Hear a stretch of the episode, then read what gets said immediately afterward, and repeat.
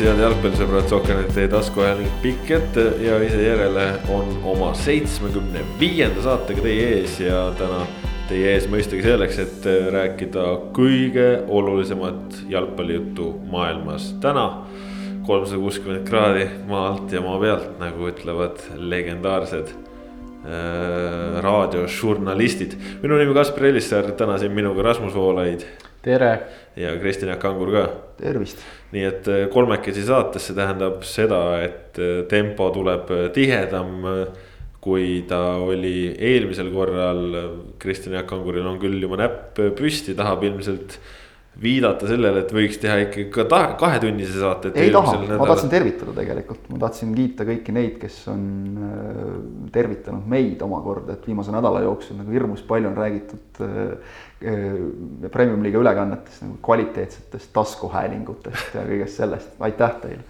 mitte ainult, mitte ainult premium-liiga ülekannetes, vaid ka meistrite liiga. ja ka meistrite liiga ülekannetes, nii et hindame kõrgelt, aitäh. Ja ei, tegelikult tuli isegi üllatavalt äh, meeldivalt palju tagasisidet selle mammutsaate kohta, küll ka äh, selliseid tagasisideid, pidi mitmel päeval kuulama, et ühe korraga ei jõudnud, aga sellel on ju ainult hea, kui on mitmesse päeva tegevust selles mõttes, et saade ju oli vähemalt hoogne. no need Pärnu otsamehed, need pidid pool tundi jälle maja ees autos istuma pärast sõidu lõppu, et saate lõpuni saaks kuulata, nii et äh, jah. Proovime hoogsalt ka täna, alustame meistrite ja Euroopa liiga loosiga, mitte mängudega, mängudest räägime kohe pärast seda, aga tõesti. tänasel esmaspäevasel päeval siis äh, Fortuna tegi Šveitsis Nyonis oma töö ära ja Eesti klubid said teada oma eurosarja vastased, tõsi, Flora sai juba esimese mekutamise eile ja, ja täna siis sai selgemaks mänguaeg ja.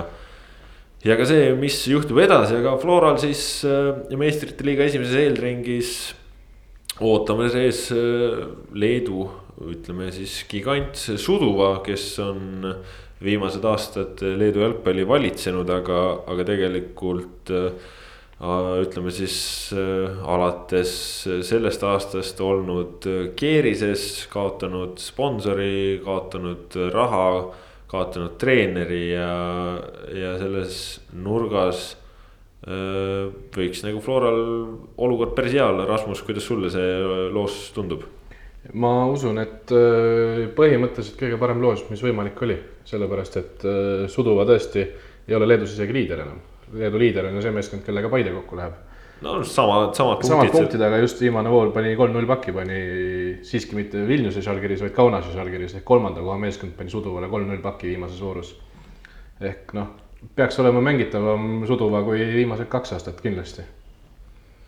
Kristjan Jaak no vaadates äh, selle nurga alt, et kes need ülejäänud võimalikud vastased olid, siis ilmselt äh, jah, ikkagi, ikkagi parim lahendus, ärme unustame seda ka, et äh, noh, Leetu reisimine oluliselt lihtsam Leed oleks olnud ka siis, kui oleks võõrsil mänginud, et noh, kõik, kõik see nagu okei okay,, leedukatel siia tulla on ka kergem, aga aga et noh, esiteks see, et, et välditi nagu seda jura kõike, et hakkad kuskile Norra sõitma, siis see, et, et ma, ma noh, usun ikka, et see kodumäng nagu mõjutab, see esiteks siis äh, mis sest, et publikut ei ole.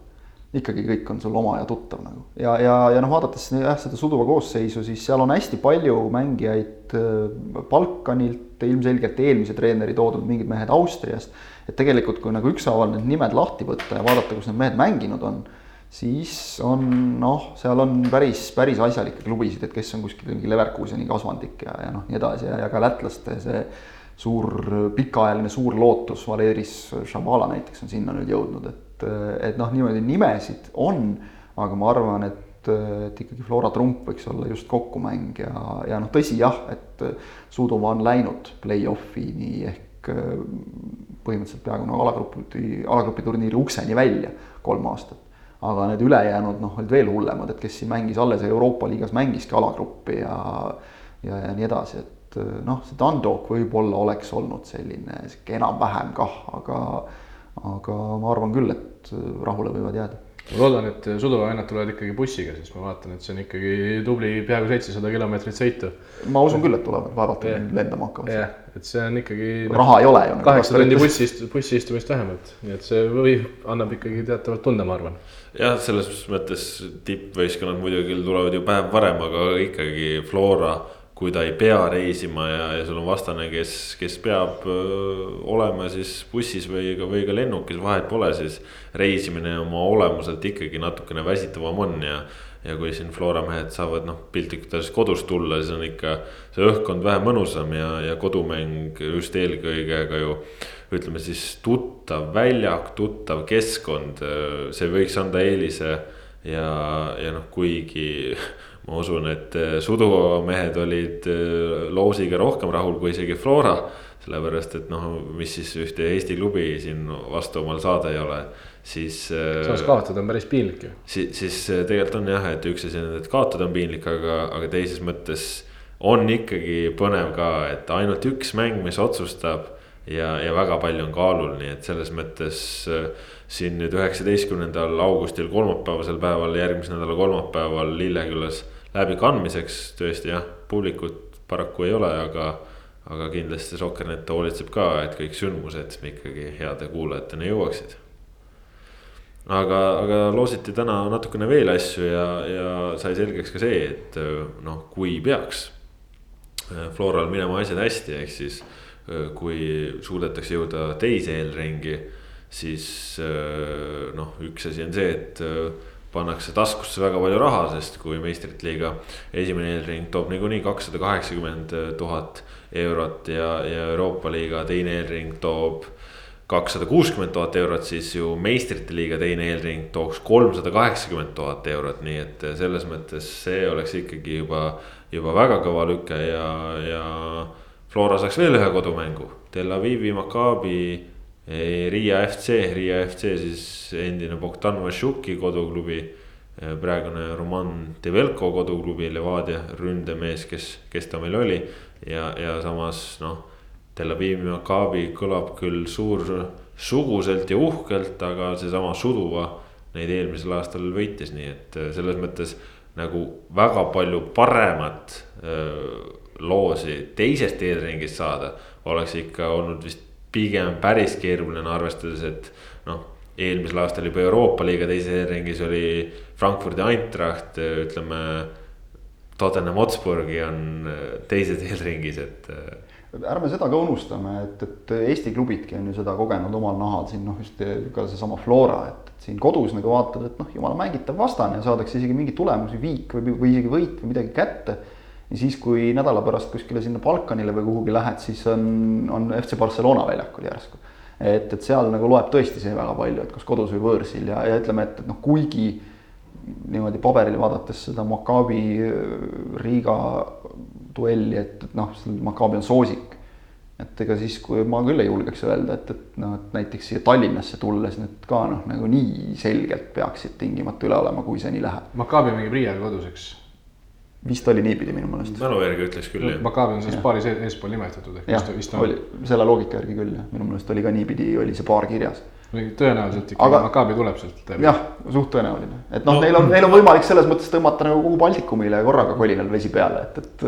ma ei tea, ma, ma ei oleks üldse nii kindlalt seda Maccabi usku, et äh, Suduvale suutsid kaotada, miks nad ei võiks siis Riia FC-le kaotada. no me just rääkisime, et Suduva sel eelmisel aastal oli natukene teine, et no, aga no paistab noh, selles mõttes, et ega Riia tegelikult on ka ikkagi mängumeeste punt, nad ju panid ka eelmine aasta play-off'i välja Euroopa liigas. Läksid seal järjest äh, Livitši Pjastist ja OIK-st ja siis veel võitsid Kopenhaagenit ka kodus esimeses ringis. ehk siis noh. no ei ole suvaline see. Velko tegi asju ka, ma mäletan kõvasti. no see on meistrite liiga, siin ei ole suvalisi satse tegelikult, kui meeskond on tulnud oma riigi meistriks, siis noh, olgu ta Eestist, Lätist, Leedust, Iisraelist, kust iganes, need on kõik kõvad satsid, et äh, noh, ma julgeks küll jah öelda, et teise ringi jõudmise korral Flora kindlasti soosik ei ole, aga see koduplats, ma arvan, annab päris, päris palju juurde. kui Riia FC Vikipeedia lahti lüüa, see on muidugi päris muljetavaldav pilt, liiga, liiga ja karika history ajalugu, siis kaks tuhat seitseteist top skoorer oli Bogdan Vašuk ja kaks tuhat üheksateist Roman Develko.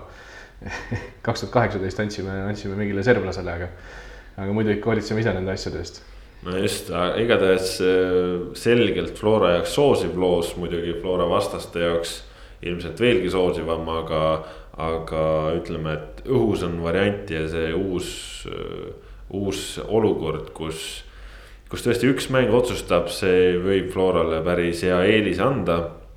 ja, ja noh, kuigi siin on ju nüüd ka karmid reeglid, kui ei suuda mängu korraldada või kui on mingisugused piirangud, siis tehnilised kaotused ja nii edasi, siis Floral selles mõttes ei tohiks probleem olla, et Tallinnas mängu saab pidada ja ja tegelikult vähemalt suduvaselt Leedus tõenäoliselt saab ka tulema, et selles mõttes siin ei tohiks seda ohtu küll olla, et, et seda mängu ei, ei toimuks. Aga lähme Euroopa liiga juurde, seal ka Eesti klubid said oma vastased teada ja, ja tõesti Leedu lainel tasub jätkata.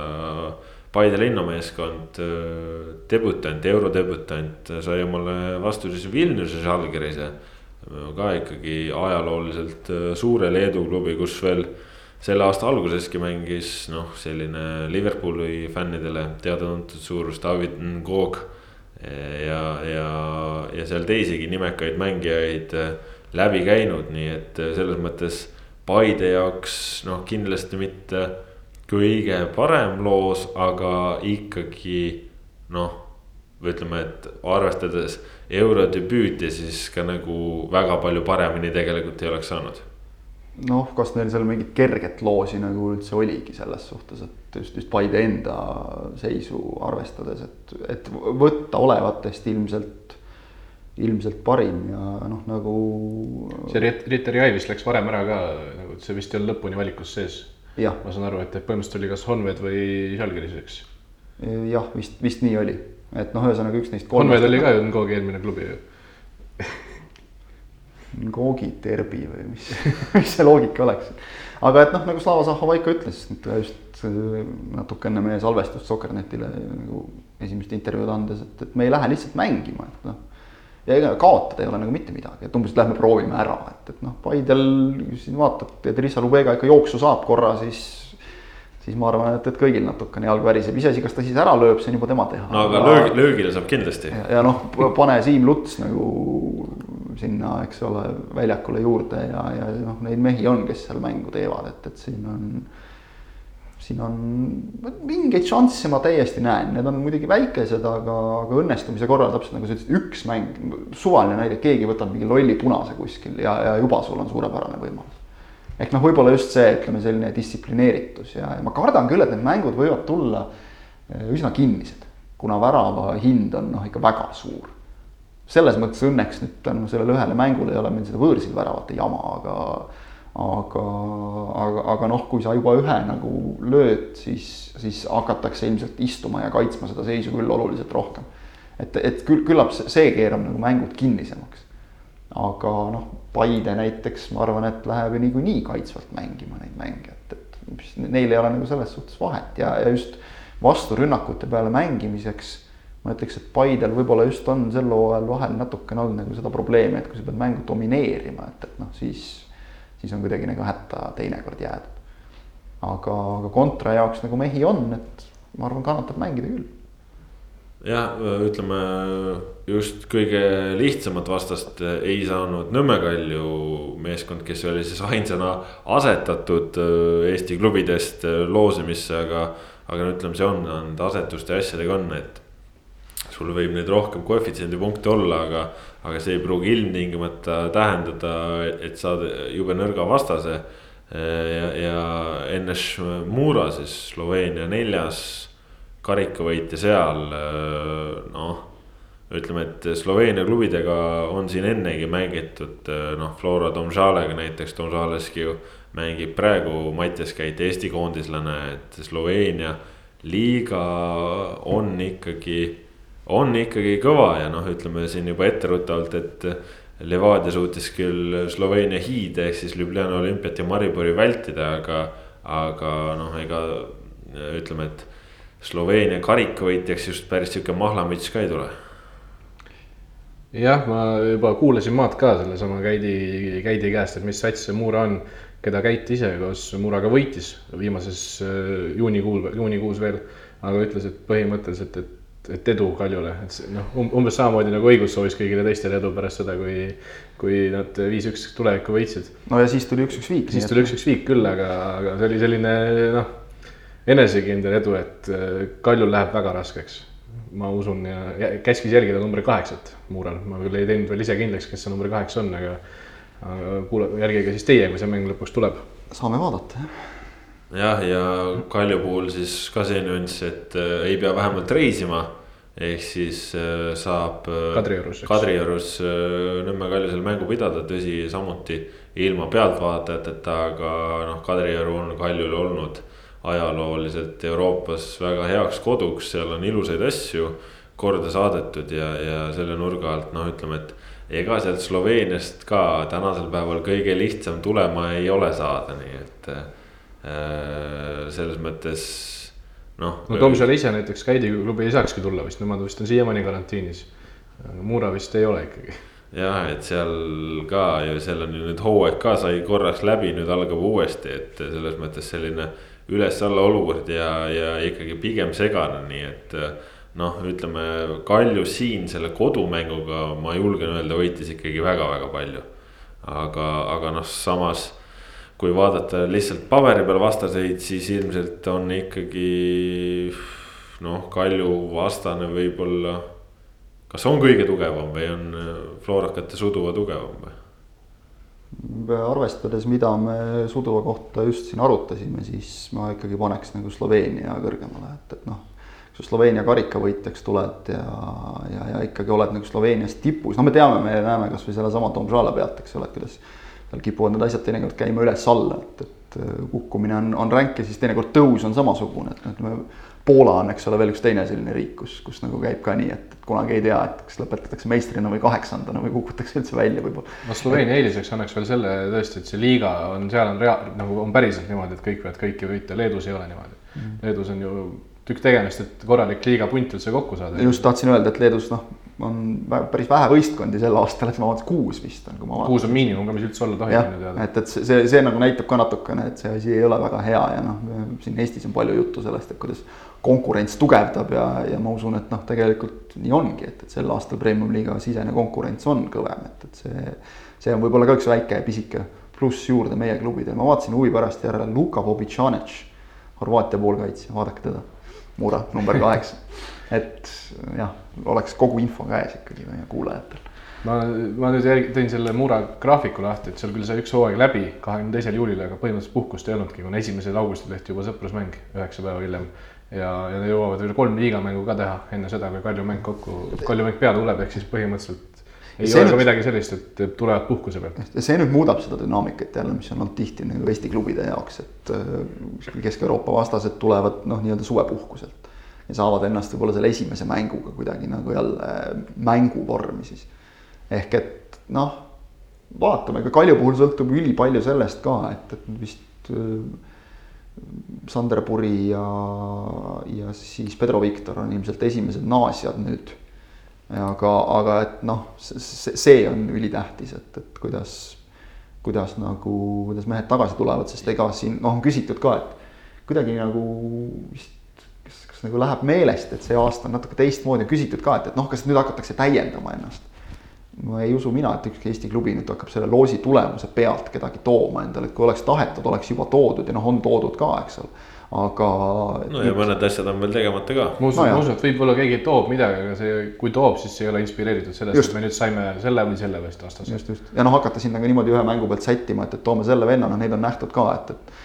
tood Euroopas mängimiseks mingisuguse jube kõva venna ja siis pead pärast talle pool aastat palka maksma, kuigi tegelikult nagu mängumees ei ole. sellest võib jah lugusid rääkida, aga kahtlemata huvitav saab olema näha ja, ja Vadilav ju ka ikkagi juba jookseb, nii et. Äh, juba jookseb jah. kahe nädalaga, mine tea, võib-olla jookseb ennast ka mingi, ma ei tea, kasvõi siis kahekümne minuti mänguvormina. No jooksmisest me jõuame tänase saate jooksul rääkida ilmselt veel no,. jooksmisest jõuame. aga, aga Levadia vist on. Levadia, Levadia läks loosiga ütleme ikkagi nii hästi, kui minna sai, et äh, kui eile hilisõhtul need äh, nii-öelda loosimisgrupid teatavaks tehti ja, ja seda UEFA siis jah, enne nii-öelda ja laseb seal äh, paika panna, et, et seda loosimisprotseduuri kerge, kergendada ja kiirendada, siis.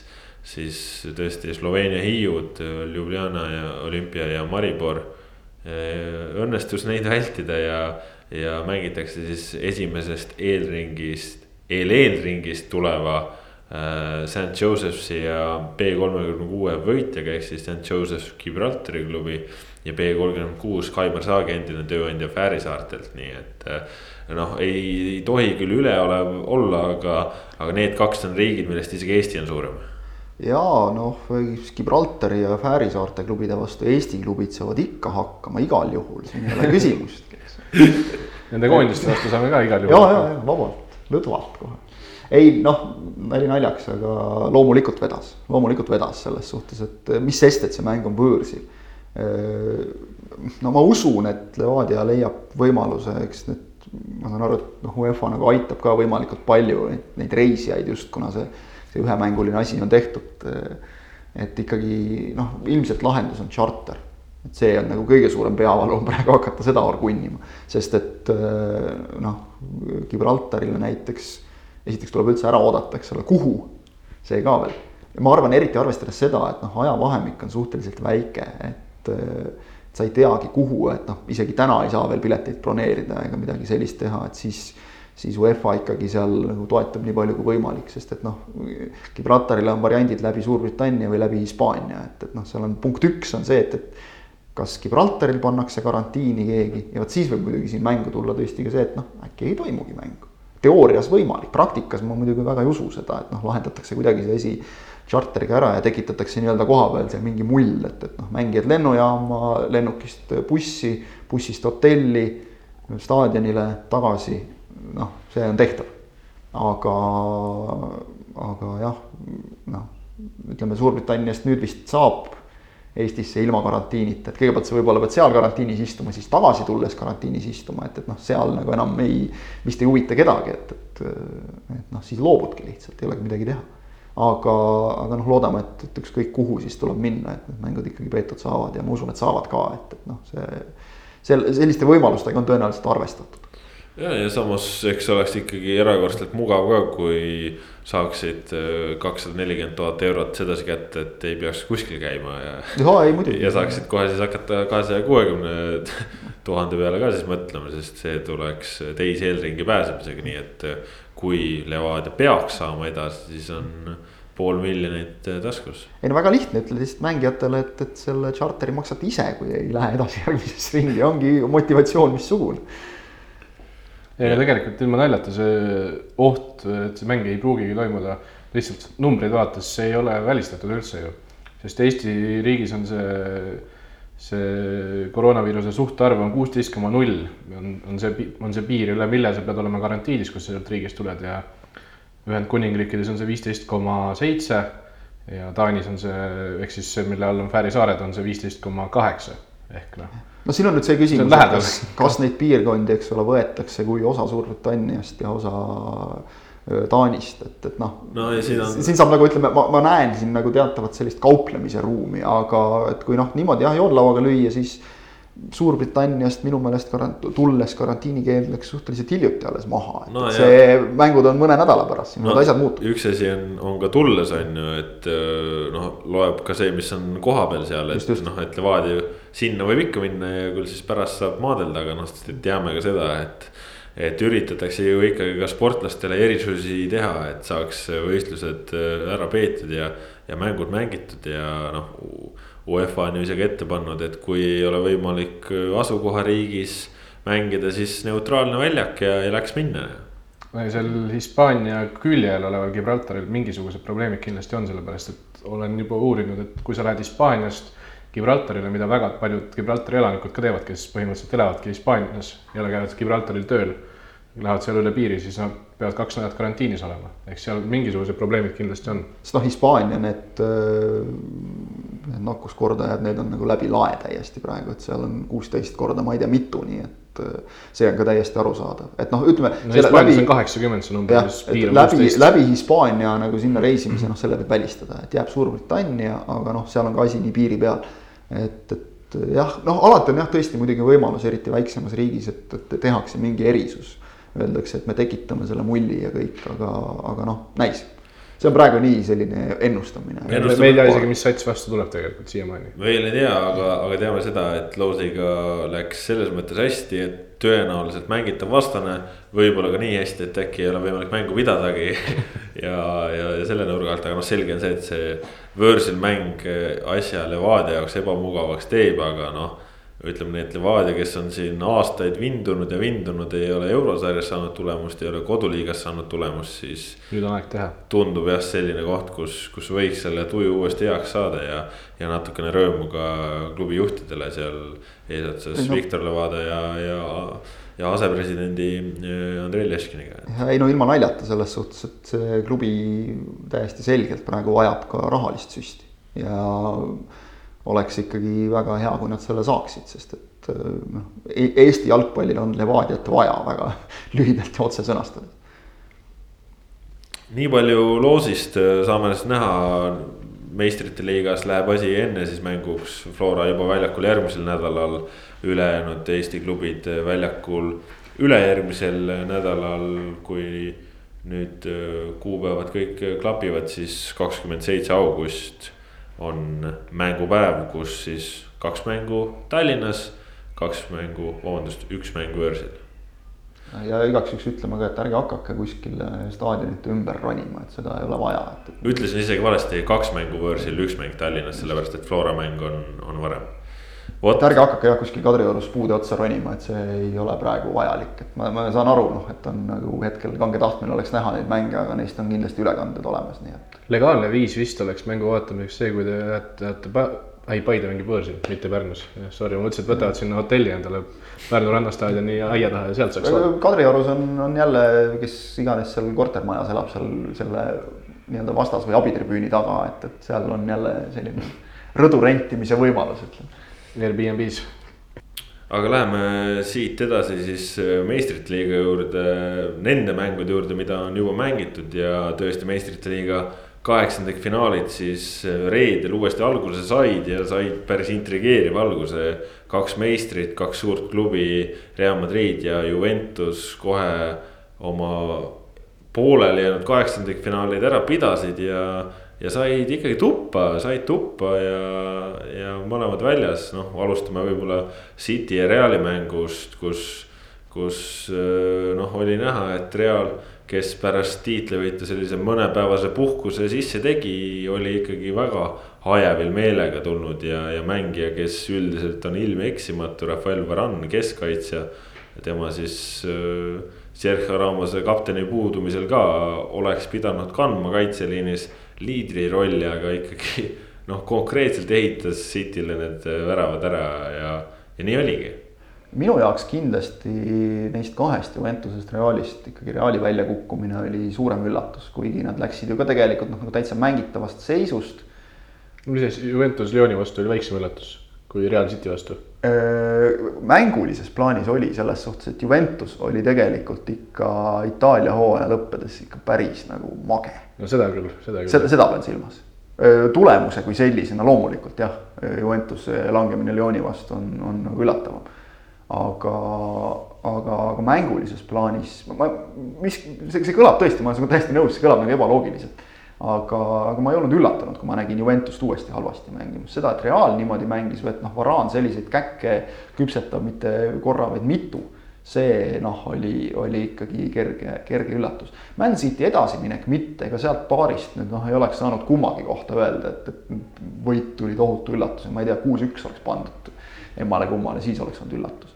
aga City, noh, City suur võimalus, sest et nüüd on, eks ole, Lyon järgmine vastane neil noh, poolfinaali nad ühe korra on jõudnud. Nagu poolfinaali tuleks... vastane muidugi ei oleks väga lihtne no.. nojah, aga et noh, nüüd nagu tuleks noh, tahad meistrite liigat võita, siis tulebki sul Realid välja lükata, eks ole, selles mõttes oleks nagu ilma, hoolimata sellest finaalturniiri süsteemist ja kõigest, et ikkagi nagu selline ilma hinnaalanduseta võit, kui City selle ära teeks, see noh, oleks nende nende see, see on nüüd see nende suur unistus, kui Liverpoolil oli meistritiitel, eks ole, et noh, City oli, ütleme, muljetavaldav ja arvestades seda, et neil on sealt ka mõned lülid puudu, aga, aga kui sul ikkagi on noh, see, see, mida tehti koduliigas, see pigem tuli nagu selle pealt minu meelest, et noh, need mehed on juba tulnud meistriks ja, ja noh, ikka kuskil hakkab mängima see, et ei ole seda nii tohutut nälga sees. meistrite liiga puhul see nälg on olemas, see on olemas De Bruyne'del äh, Gabriel Jesusidel, noh kõikidel, kes, kes seal nagu teevad ja ikkagi City see sügavus, nagu me nägime siin, kui siin järgmiste mängude juurde korraks hüpata, et noh, isegi Euroopa hiidudel teinekord nagu pingi pealt ei olegi liiga palju võtta. Cityl on sealt võtta nii, et noh, sul võivad Aguero'd ja mehed katki olla, aga et sul on sealt võtta oi-oi kui palju. no ma ütleks äh, pigem minu jaoks ei olnud imekspandav äh, City hea mäng, vaid see, kui lapsikult halb oli Real Madrid, kes no okei okay,, Varan tegi, tegi oma kaks suurt eksimust, aga, aga seal Casemiro, Thibaut Courtois, noh just jalaga mängus, nad söötsid lihtsalt järjepidevalt vastasele jala peale ja. ja, ja selles mõttes mängu ülesehitus oli ikkagi noh, totaalselt katastroof. keskpoolkaitsjad Toni Kroos, Luka Modric mängust väljas. selles mõttes, et noh, võib-olla siis jah, Guardiolale ka selline Äh, taktikaline võit äh, Zidani üle, aga, aga noh, just see, kui äh, rumalaid ja, ja tõesti naiivseid eksimusi Real tegi, noh, see oli noh. harjumatu ja, ja isegi nagu kohati piinlik vaadata, et pole sellist asja harjunud sellisel tipptasemel küll nägema. kas tõesti siis nagu see nädalane vahe mängis, et noh, Man City viimased mängud muidugi olid ka sellised, et lihtsalt lähme ja lükkame, aga aga tõesti, nemad oma viimase liigamängu mängisid ju nädal, nädala võrra hiljem kui, kui Real. no Reali mehed jõudsid kõik, jõudsid korraks äh, Vahemere peal puhkamas ka käia et.... no vot jah, äh, jõudsid jala sirgu lasta korraks, et ja noh, ma, ma ikkagi paneks nagu natukene selle arvele, et, et noh ei saa nüüd öelda Real, et Real Madridi mängijatel ei ole motivatsiooni, eks ole, aga võib-olla see on just see mingi üks-kaks protsenti, et, et noh, nad on seda, enamik, kes seal on, on seda meistrite liigat võitnud juba mitte ühe korra, vaid mitu, et, et noh, see võib hakata mängima. ja see aasta saadi Hispaania tiitel ka kätte, mida on kaua just. tahetud, nii et. no ja kui sa ütled just see, et puhkus oli juba ära, no nüüd sa tuled korra puhkuselt tagasi tööle, no me kõik oleme praegu eriti, eks ole, teame, et milline on esimene päev tööl pärast puhkust, no ega väga ei suju nagu ma arvan, et siin on sama asi, mis äh, Cityl ja Liverpoolil Inglismaal, et City motivatsioon meistritiitlit võita ei ole väike, aga Liverpoolil on see nii palju suurem ja sama asi oli, et Realil ei olnud ka kindlasti oli motivatsiooni ikkagi meistri, meistrite liigat võita. aga City jaoks on see eesmärk number üks ja oluliselt, oluliselt suurem on see motivatsioon jah, igatahes äh, nii ta läks, Real välja lendas ja tõesti City siis mängib Lyoniga, kes, kes küll tegelikult ju kaotas või no õigemini isegi ei, ei kaotanud või kaotas kaotasid kaks-üks. kaks-üks jäi jah, kaotasid ikka jah, äh, aga, aga seal jah.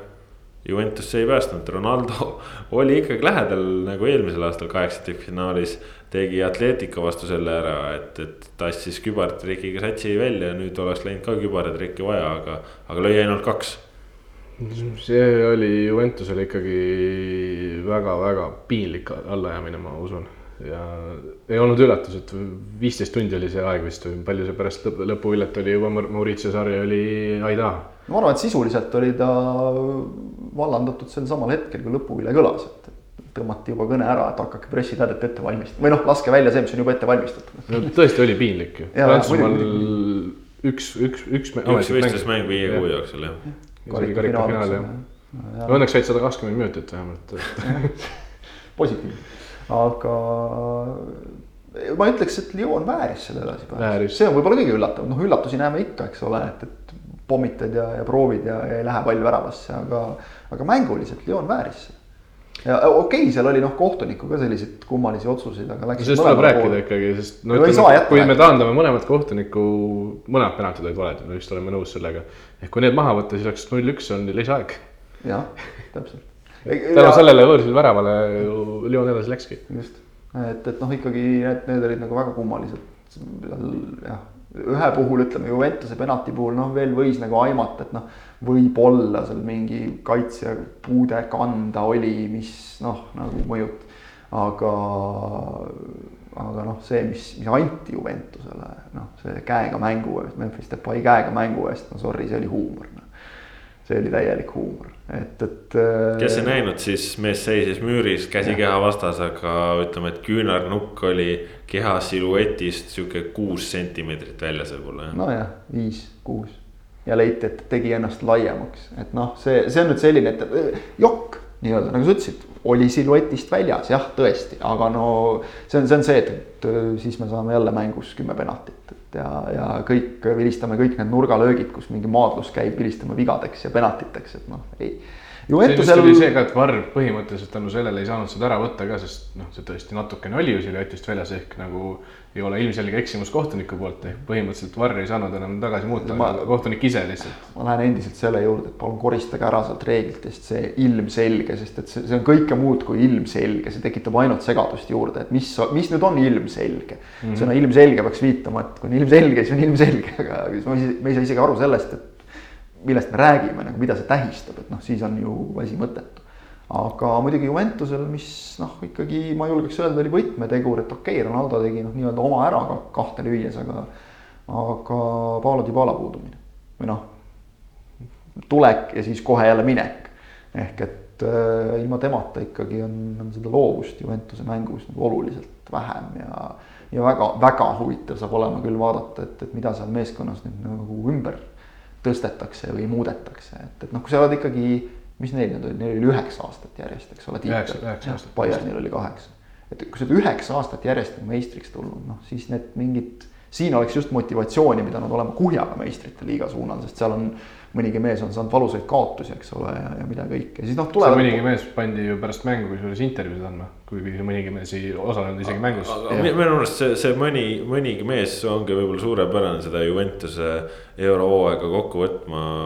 kui juhtusite nägema, kui Memphis Depay siis kaheteistkümnendal minutil, kui nüüd mälu alt ei vea.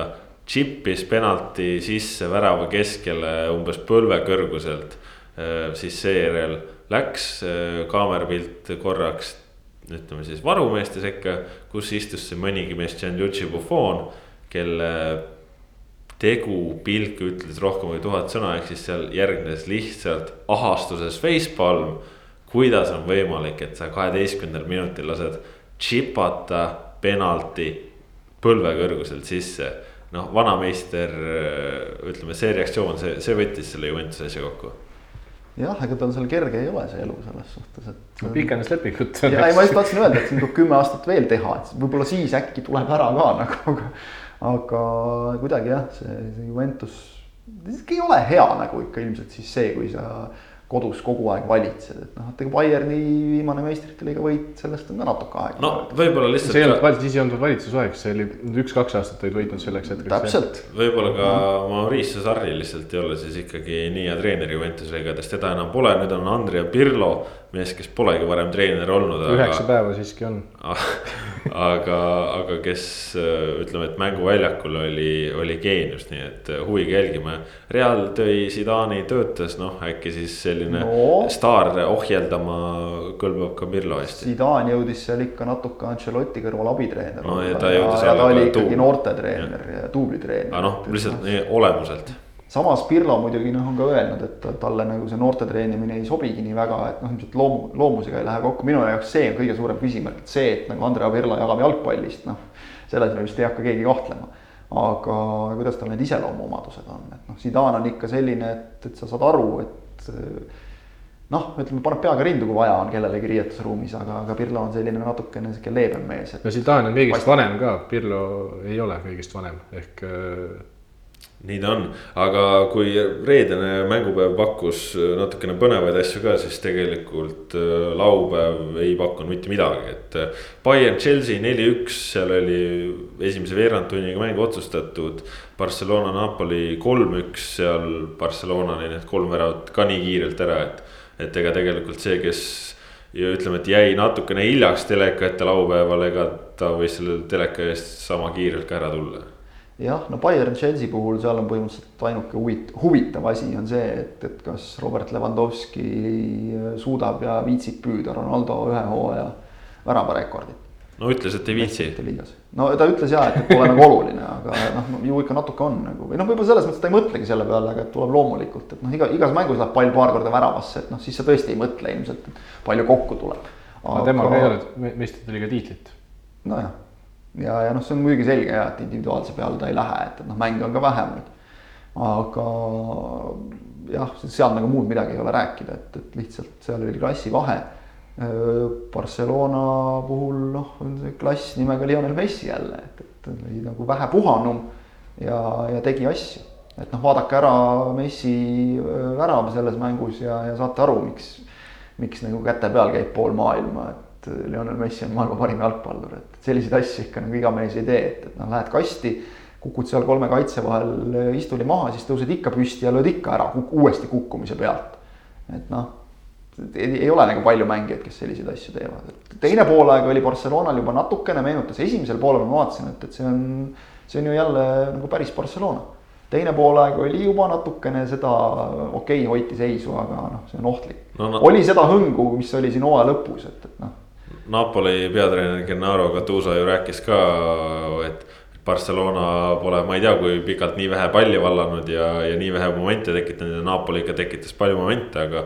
Barcelona oli oma asjad ära ja Napoli ei löönud ja noh, lõpuks nii ongi, et kui sa oma asju ära ei löö, siis oledki kehvem ja kaotadki Barcelonal võib hakata muidugi nüüd mängima mingit rolli see, et, et neil on noh, sisuliselt sellise tippklubi kohta olematu pink praegu.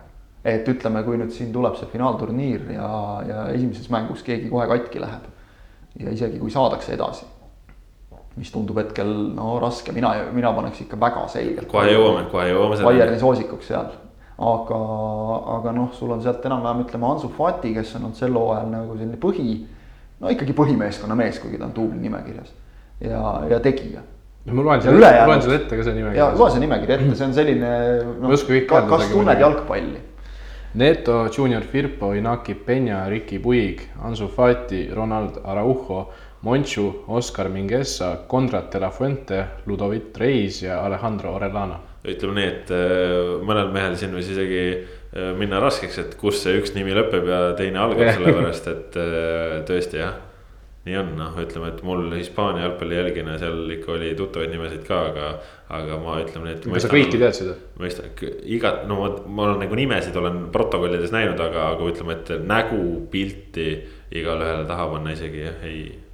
seal on sellise tavalise jalgpallisõbra jaoks ma julgeksin öelda, noh paar-kolm-neli meest. oi, ära nüüd tavalist jalgpallisõpra okay. üle hinda. võib-olla ma üle hindasin tavalist jalgpalli. no tavaline, no täpselt, Neto meie jaoks väga tuntud jalgpallur, kes tavaline jalgpallisõber teab Netot.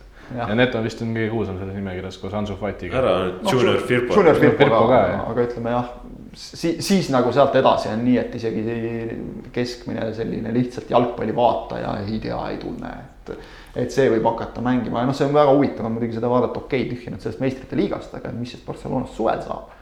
jätame igasuguse selle, kas Messi jääb või läheb. no suve selle. ei olegi see aasta. no suve, suve möödas. mis Barcelonas sügisel saab? sügisel saab jah, okei okay,, täpselt aga et noh, kuidas edasi, see on huvitav ja, ja see, see, kuidas edasi, see võib väga palju sõltuda ka sellest, mis juhtub nüüd meistrite liigas. no Sergio Busquets ja Arturo Vidal tulevad tagasi, neil on mängukeeld, sellepärast neid ei olnud, ehk siis pink läheb tugevamaks kaks väga olulist meest tulevad äh, tõesti, Busquets ilmselt jalutab algkoosseisu, Vidal ka võib-olla.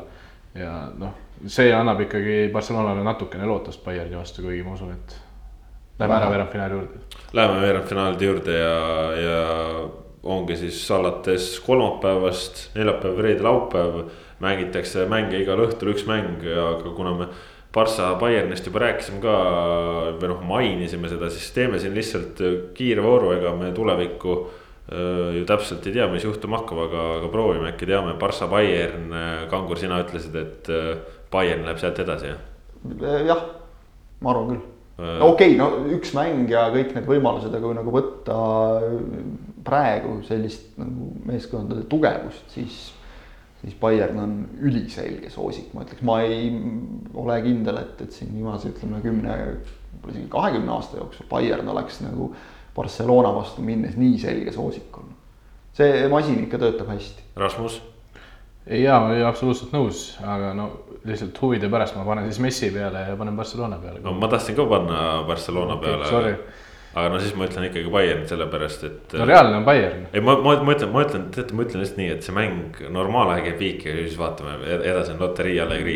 väga hea kirik keset küla. just, kirik keset küla. mina ütlen, et aga... Bayern, Rasmus ütleb Barcelona või Messi või vabandust, mitte Barcelona, Messi ja sa ütled, et teeb viiki. aga kõik algab hoopis Atalanta BSG lahinguga, noh, Atalanta võiks olla selline must hobune, kõik loodavad, sats, kes alustas turniiri alagrupis kolme kaotusega väravate vahe, liiga piinlik, et üldse seda välja lugeda. aga, aga BSG on ikkagi noh, ka võistlusmänge on hinge all üks, aga nagu Leon näitas, siis. kaks, neil on mõlemad karikafinaalid. just noh, kaks isegi, siis Leon näitas, et ega see väga ei, ei ole mureks ka ja noh, on see Guillaume Pape terve või mitte. noh, BSG on ikkagi selge, selge soosik ja kui BSG ka tahab oma rahalaevadega midagi võita, siis, siis see on nüüd see koht või, või mis te arvate, kumb edasi läheb, Atalanta, BSG? Atalanta hooaja lõpp vajus nagu ära natukene. Neil ei ole Jossip Ilitšitši, see on võimatu mängida Atalanta võidu peale, kui neil ei ole parimat meest. jah, et kas nüüd ainult tema puudumine, aga, aga see, see hooaja lõpp vajus neil nagu ära kuidagi ilmetuks natukene ja ja, ja noh, mina leian, et äh, Mbappe kas on või ei ole, see muudab päris palju BSG jaoks. aga Ilitšitši on või ei ole, muudab palju Atalanta jaoks. et äh, selles mõttes siis nagu jällegi noh, võrdne seis, sest pigem ikkagi vist viimased jutud on, et Mbappe noh, ega ta ilmselgelt ta nagu täismängu vormis ei saagi olla, ta ei ole ju saanud eriti trennigi vist teha oma vigastusega, et, et kui ta ka terveks saab, siis noh ühesõnaga Kangol mulle tundub, et ütleb siit, et Atalanta võib. ma tahaks, ma ütlen siis puhtalt, selle ma ütlen puhtalt nagu südame järgi, et ma tahaks, et Atalanta läheks edasi. selles paaris tõesti tahavad väga paljud inimesed, et Atalanta läheks edasi, aga reaalne on see, et BSG läheb edasi ja tõenäoliselt lõpuni välja, ma arvan, isegi sel aastal või noh, finaalini välja no,. Nende tabeli pool on lihtne. Äh, ja siit on veel paar mängu puudutada, RB Leipzig, Atletico, Atletico siis äh, teatas pühapäeva õhtul kahest koroonajuhtumist oma võistkonna delegatsioonis ei ole teada, kas need on mängijad, on seal personaliliikmed, igatahes koroona liikvele on läinud, aga ma arvan ikkagi, et Atletico siin nüüd Liverpooli välja löönuna juba on ikkagi soosik. Mm, Wernerit ei ole ju Leipzigil. just. et see noh, jälle nüüd me räägime ainult nagu meestest, keda ei ole, aga, aga see, see mõjutab no siin ma, ma ei, ma ei näe. oleme ühel meelel vist. ma ei näe väga varianti Leipzigil. no sellega läheb siis ruttu ja, ja tegelikult äh, üks mäng siis puutumata laupäeval. Äh, viimane veerandfinaal Manchester City, Lyon. no mina ei näe siin varianti, kuidas City võiks nüüd ära muneda, et äh, no nii halvasti nagu Juventus nad ikka ei mängi ei no siis tuleb Guardiola lahti lasta, ega seal nagu see selle ei, noh, seal ei ole nagu vabandusi, et, et et ei, jah, seal ma näen nagu veel vähem varianti, kui ma nägin Leipzigil. jah, jah, on küll, on küll nõnda.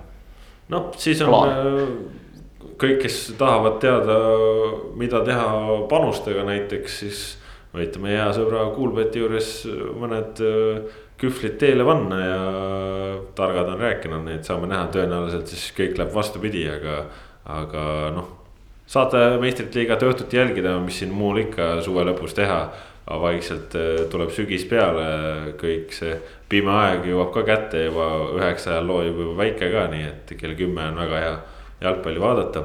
aga saate lõppu natukene ka veel premium-liiga juttu ja noh, sellise esimese teemana kiirelt, kindlasti te kõik olete lugenud seda, ütlevad meile kasvõi meie lugejanumbrid, aga, aga ikkagi jooksmine on, on teemas olnud jah jah, jooksmine on ikkagi sport, mida tasub harrastada, aga tuleb valida nagu aega ja kohta, et kus. Kadriorus joosta. jah, et joostakse staadionil ringi ratast, mitte staadioni väravast välja kuskile. ühesõnaga jah, Maksim Liipin sai lollusega hakkama, kahju, aga noh, mingit moodi nagu seda asja ilusamaks ka ei saa rääkida, et kui sa dopingukontrollist lased jalga nagu Kadriorus juhtus, kes siis tõesti ei ole absoluutselt kursis, on kuskil kivi all elanud ja Soccerneti ei loe, siis esiteks laidame, teiseks olgu siis jah öeldud, et pärast Paide ja Leegioni mängu eelmisel nädalal Lipin oli üks neist, kes võeti dopingukontrolli, ta ei saanud seal proovi andmisega, noh, ei tulnud toime ja siis lasi jalga sealt lihtsalt. ju seal, eks ole, tal omad põhjused olid, mis nad täpselt olid, seda teab ta ise, aga noh. ega siin nagu no, väga palju. ta tahab midagi varjata. väga palju variante nagu ei ole jah, et kui südametunnistus puhas on, siis, siis nagu nii ei tee Äh, ju ta siis teadis, et sealt midagi on võimalik leida, Liipin enam Leegioni mängija loomulikult ei ole. Leegionist inimlikult on, on väga kahju, sest et noh, selline, sellist asja nagu ei oska oodata ju kellegi puhul ja. ja noh, okei okay,, Liipin ei olnud sel hooajal küll kaugeltki nii silmapaistev nagu loota võis. aga ta oli ikkagi meeskonna oluline lüli, ta alustas ikkagi päris palju mänge ja nüüd on üks mees puudu. aga jah ega siin nagu ei oskagi midagi muud öelda, et ikka iga natukese aja tagant nagu keegi oskab seal vahele kukkuda, et kes on siin kokaiiniga ja kes mingite muude ainetega, et noh. jälle selline. ei tohiks nagu üllatusena tulla, et dopingukontrolli peab käima. loomulikult mitte, see noh, on ülimalt naiivne, kui keegi nagu arvas, et ei juhtu, aga et ma, ma ei tea, noh, ütleme äraspidiselt on see nagu isegi vaata, et kasulik, et noh, ega mõne aasta tagant nagu tuleb see meeldetuletus, et ärge tegelege jamadega, te jääte vahele, et noh, see on ju, me teame, see on ju põhiline asi, mis sunnib nagu inimest käituma seaduskuulekalt, on see, et, et kui sa rikud reegleid, siis sa jääd vahele, mitte see, et, et kas sa saad suure karistuse või mitte, vaid see, et, et su vahelejäämise tõenäosus on suur muidugi võiks noh, olla nagu mõistust nii palju, et lihtsalt ei tegele mingite jamadega, sest selliste asjadega ei ole ilus tegeleda. aga noh, nii läks seekord. nii läks, aga. neli, neli aastat on ilmselt siis Liipin jalgpallist eemal ja noh, tal on võimalus tagasi tulla, kes teda tagasi tahaks ei noh, selle mehe karjäär on sel tasemel läbi, nii no,. sel tasemel kindlasti. huvitav minu arust see, et me saame, meil on uudises kirjas ka, et ta veetis seal aega pikalt, mis tähendab vist isegi väidetavalt tund pluss või noh, ikka tõesti pikalt ehk ta jõudis selle aja jooksul väga pikalt analüüsida, mis juhtub siis, kui ma annan proovi, mis on tagajärjed. ja siis ta mõtles välja lõpuks selle, et kui ma annan positiivse proovi ja kõik saavad teada, mis seal sees oli või midagi sihukest, et see on hullem kui see, mis praegu juhtus.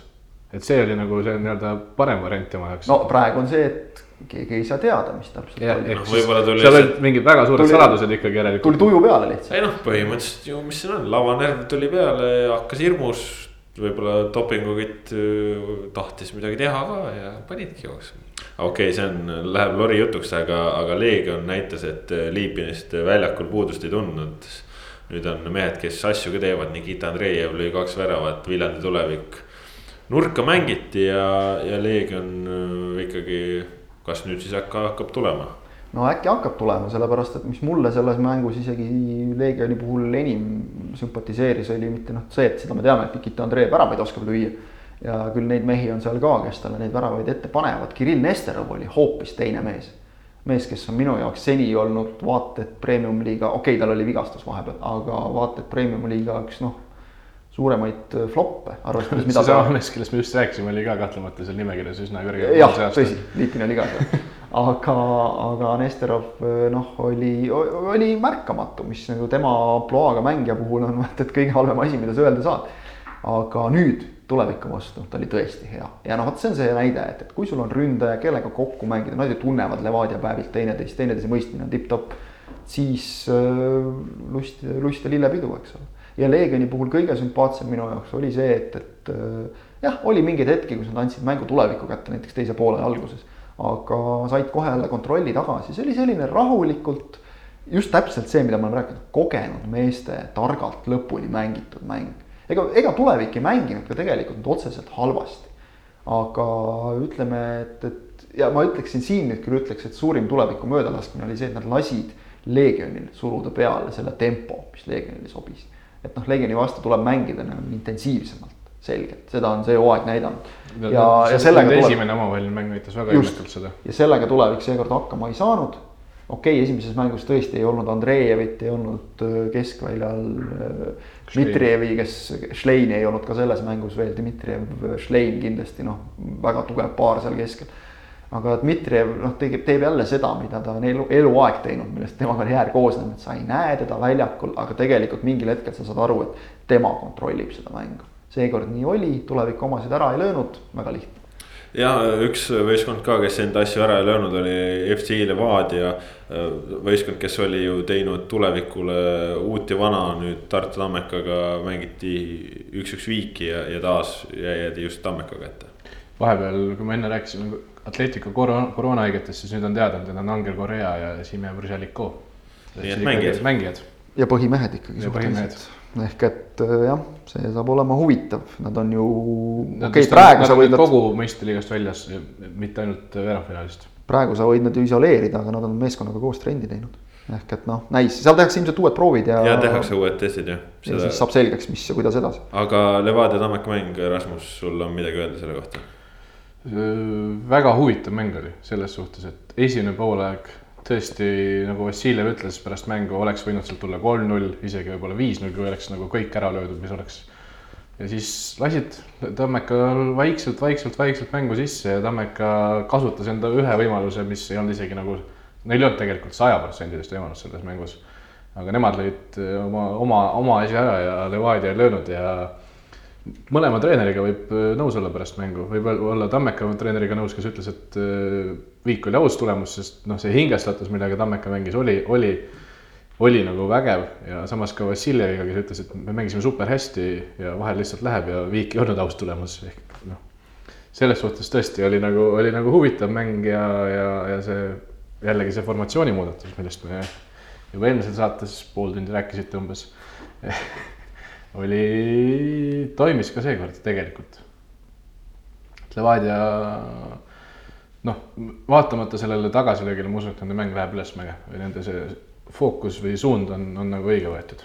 saame näha teised äh, mängud ka veel, mis nädalavahetusel peeti.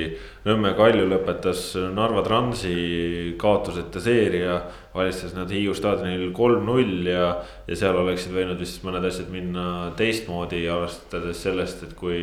Jeffrey oleks kohe alguses oma asjad ära löönud, aga, aga seal vist oli ka muud alustades sellest jah, ja, ja noh, ütleme ikkagi alustame sellest, et, et Trans äh, eksis ise lubamatult palju, eksis rünnakul, eksis kaitses. Geoffrey jättis löömata vist veerandtunnise mängu järel selle tõttu, et kui ta pääses Marko Meeritsaga silmitsi, siis viimane puude läks liiga pikaks. oleks see puude olnud parem, oleks olnud oluliselt lihtsam realiseerida, seekord läks posti.